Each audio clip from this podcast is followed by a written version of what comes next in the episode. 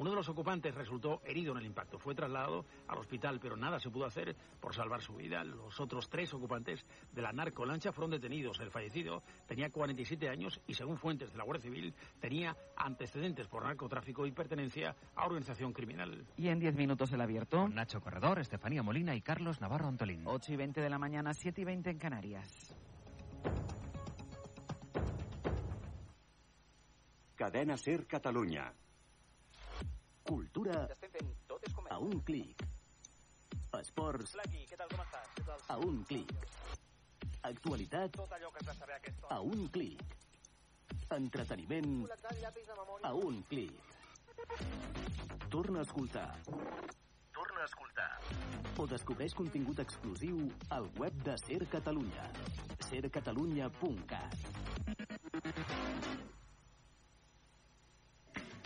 Allà on vagis, Ser Catalunya t'acompanya. Escolta Ser Catalunya en directe des de qualsevol lloc amb l'aplicació de la cadena Ser. Ser Catalunya. Som a tot arreu. Som al teu costat. Descarrega't l'app de la Ser i busca Ser Catalunya.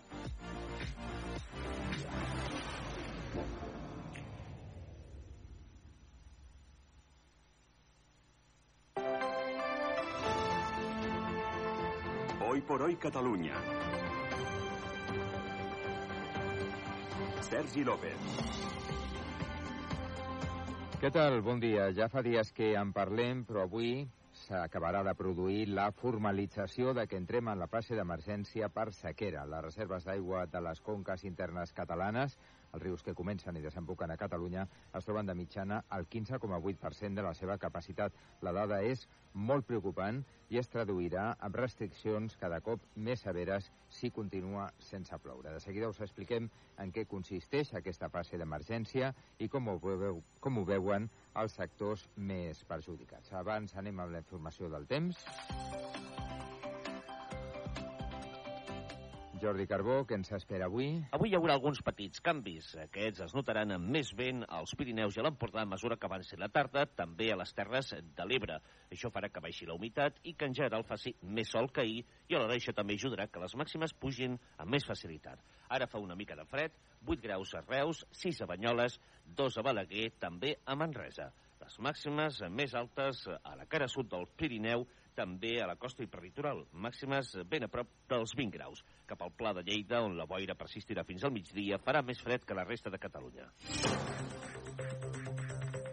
Anem ara al RAC. Com està el trànsit? Alex Huguet, bon dia. Molt bon dia. S'ha acabat tallant la calçada a la C59 entre Caldes de Montbui, Palau Solità i Plegamans per un accident al quilòmetre 11 en sentit sud i s'acumulen ara 10 quilòmetres de congestió en aquell tram. Per tant, molta paciència. En altres vies hi ha menys cues, però força afectacions. Ara la C58 amb 4 quilòmetres entre Terrassa i Sant Quirze en sentit sud. La P7 a Barberà del Vallès hi ha 2 quilòmetres més d'aturades en els dos sentits de la marxa i a la B23 hi ha cues tant al tram de Molins com a l'enllaç amb la 2 a Sant Joan d'Espí, tot cap a Barcelona i pel que fa a les rondes, a banda de les retencions habituals en sentit Llobregat, a la B20 hi ha 3 quilòmetres més de cues en sentit nord entre Esplugues i Pedralbes i a la litoral s'ha omplert més el tram de Montjuïc també en sentit Besòs. És tot des del RAC. Bon dia. Bon dia i gràcies, Àlex. Ja és febrer, és dia 1, és dijous.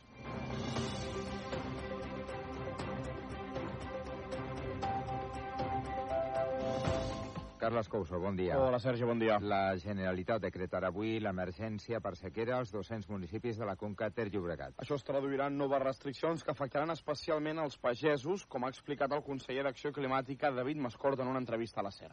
sobre todo en el sector primario, que es hasta ahora el único que ha padecido la sequía, porque uh -huh. recordemos que ellos ya están en estas unidades en reducciones, por ejemplo, el regadío del 40% hasta ahora, porque estábamos en fase de excepcionalidad, y ahora van a pasar al 80%. Aquest migdia compareixeran el mateix Mascort i la portaveu del govern, Patricia Plaja, Gemma Alegrí. Un dels sectors a qui més afectaran les noves mesures serà el primari. Els agricultors només podran fer servir un 20% de l'aigua disponible a les seves explotacions.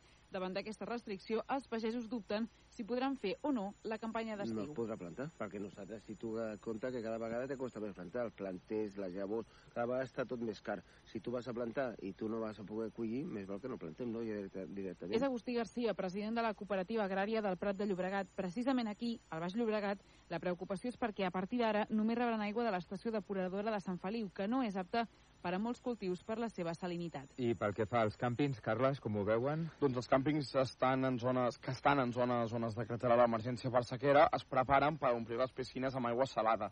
El sector turístic busca solucions i assegura que les piscines a l'estiu estaran en funcionament. De fet, estan treballant amb tècnics i enginyers per fer un manual sobre com i de quina manera s'han de modificar les piscines. També estan en contacte amb empreses de transport especialitzades per portar l'aigua del mar. I la patronal de gimnasos ADCAF reclama al govern que els deixin triar ells quines restriccions aplicar per estalviar aigua a les seves instal·lacions. Sí, aquesta patronal ha fet un informe sobre la sequera en el que assegura que prohibir el servei de dutxes als centres esportius no evita el consum d'aigua perquè tothom es dutxa i les aixetes del gimnàs són més eficients que les de casa.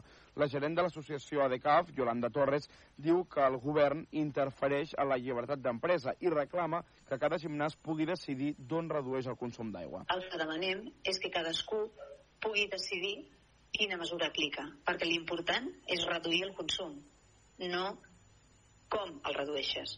Que ens deixin decidir a nosaltres on el reduïm.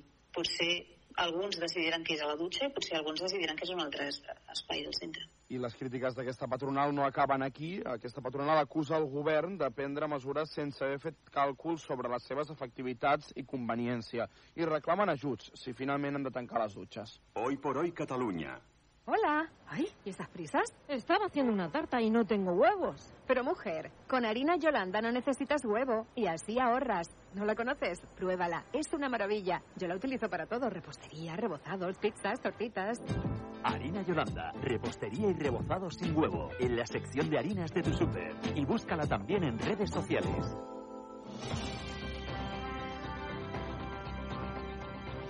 Pel que fa a la llei d'amnistia, es mantenen les posicions igual d'allunyades que dimarts, quan Junts hi va votar en contra. Junts per Catalunya adverteix al PSOE que si la llei d'amnistia no es canvia en les properes setmanes, l'acord de la investidura s'estaria incomplint pel risc que en quedin fora molts dels encausats pel procés.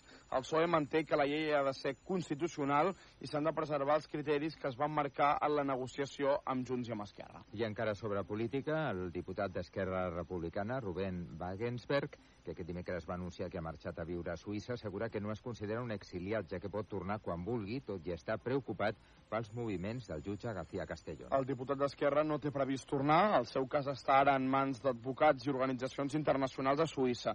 Tot i així assegura que no es considera un exiliat perquè ha marxat de manera voluntària. Diu que no està ni citat. Et sents molt petit, evidentment, davant de, de tot això clar, pateixes per la teva llibertat personal, pateixes pel rumb que està agafant tot plegat i pel patiment que genera això al moviment sencer. Sobre el seu escó, el partit assegura que mantindrà l'acte de diputat. I ara un cop d'ull als successos a l'aeroport del Prat. La Policia Nacional ha detingut tres homes que duien en total 235 càpsules de cocaïna amagades a l'aparell digestiu. Pol Valero. Els tres detinguts viatjaven en tres vols diferents procedents de l'Amèrica del Sud. La Policia Nacional estava fent un control a passatges on era possible que hi hagués traficants i van inspeccionar el seu equipatge. No hi van trobar res, però de seguida van sospitar perquè els homes estaven nerviosos i no donaven explicacions clares del motiu del seu viatge. Aleshores els van fer fer una radiografia i van descobrir molts objectes estranys al seu aparell digestiu. La policia els va detenir i els va traslladar a l'Hospital de Bellvitge, on van esperar que expulsessin totes les càpsules ingerides, que van resultar ser cilindres amb cocaïna d'alta puresa dins. I fem un apunt d'economia, atenció, amb un nou rècord de beneficis bancaris. En aquest cas, el Banc Sabadell, que ha guanyat l'any passat 1.332 milions d'euros. És un 55% més que l'any anterior. L'han ajudat a guanyar tants diners la pujada dels tipus d'interès. Qui fos Bancoi? Hoy por hoy Catalunya. La reina de les comèdies romàntiques dels 90, Meg Ryan, participarà al Barcelona Film Fest, on presentarà la seva última producció, Lo que sucede después. El festival de cinema, que es farà a l'abril, inclou una setantena de títols. Pol La Torre. Després de quasi una dècada retirada de Hollywood, Meg Ryan reapareix amb el seu segon film com a directora.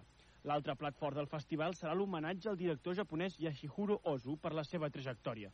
La directora del BCN Film Fest, Conxita Casanovas, ha parlat del despertar de les dones en el festival. Que s'imposen les dones, s'imposen les directores, sense forçar, sense necessitat de quotes, per la, la bona feina que estan fent, les bones pel·lícules que presenten. El festival tindrà un avançament en programació dedicada a les escoles a partir de la segona setmana de març.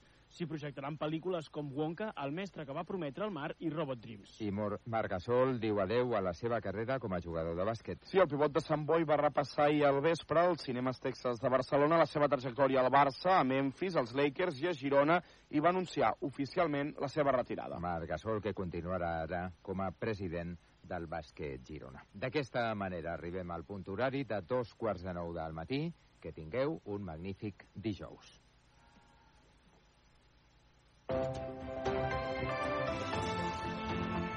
En la cadena Ser, hoy por hoy, con Ángeles Barceló. Son las ocho y media de la mañana, las siete y media en Canarias. CaixaBank patrocina este espacio. Tiempo para el análisis, tiempo para el abierto en este jueves, primer día del mes de febrero, que dicen algunos que es el peor mes del año porque está ahí entre, entre las fiestas de Navidad y todavía no ves el futuro primaveral de frente, no en lo meteorológico, que ese se ve, está instalado ya en nuestro país. Estefanía Molina, ¿qué tal? Muy buenos días. Muy buenos días. ¿Te gusta gracias. febrero? Eh, sí, porque enero ya parecía que, que duraba todo el año. enero ha sido larguísimo. Como que ya vamos avanzando un Exacto. poco. Nacho Corredor, buenos días. Yo en febrero cumplo años. Vale, o sea, te gusta febrero. Me encanta no, no, febrero. Desmontando la teoría. Yo esta mañana la he desmontado también. Yo no he dicho, me he dicho que me gustaba también febrero. Pero es verdad que hay mucha gente que piensa que está como en medio de, de, de la nada todavía. Y es un mes especial, porque a veces es bisiesto. A veces es Este mes- año, Claro. este año es bisiesto. Este año cumpleaños el presidente del gobierno, por ejemplo. Carlos Navarro Antolín, muy buenos días. Muy buenos días. ¿A ti te gusta febrero? Bueno,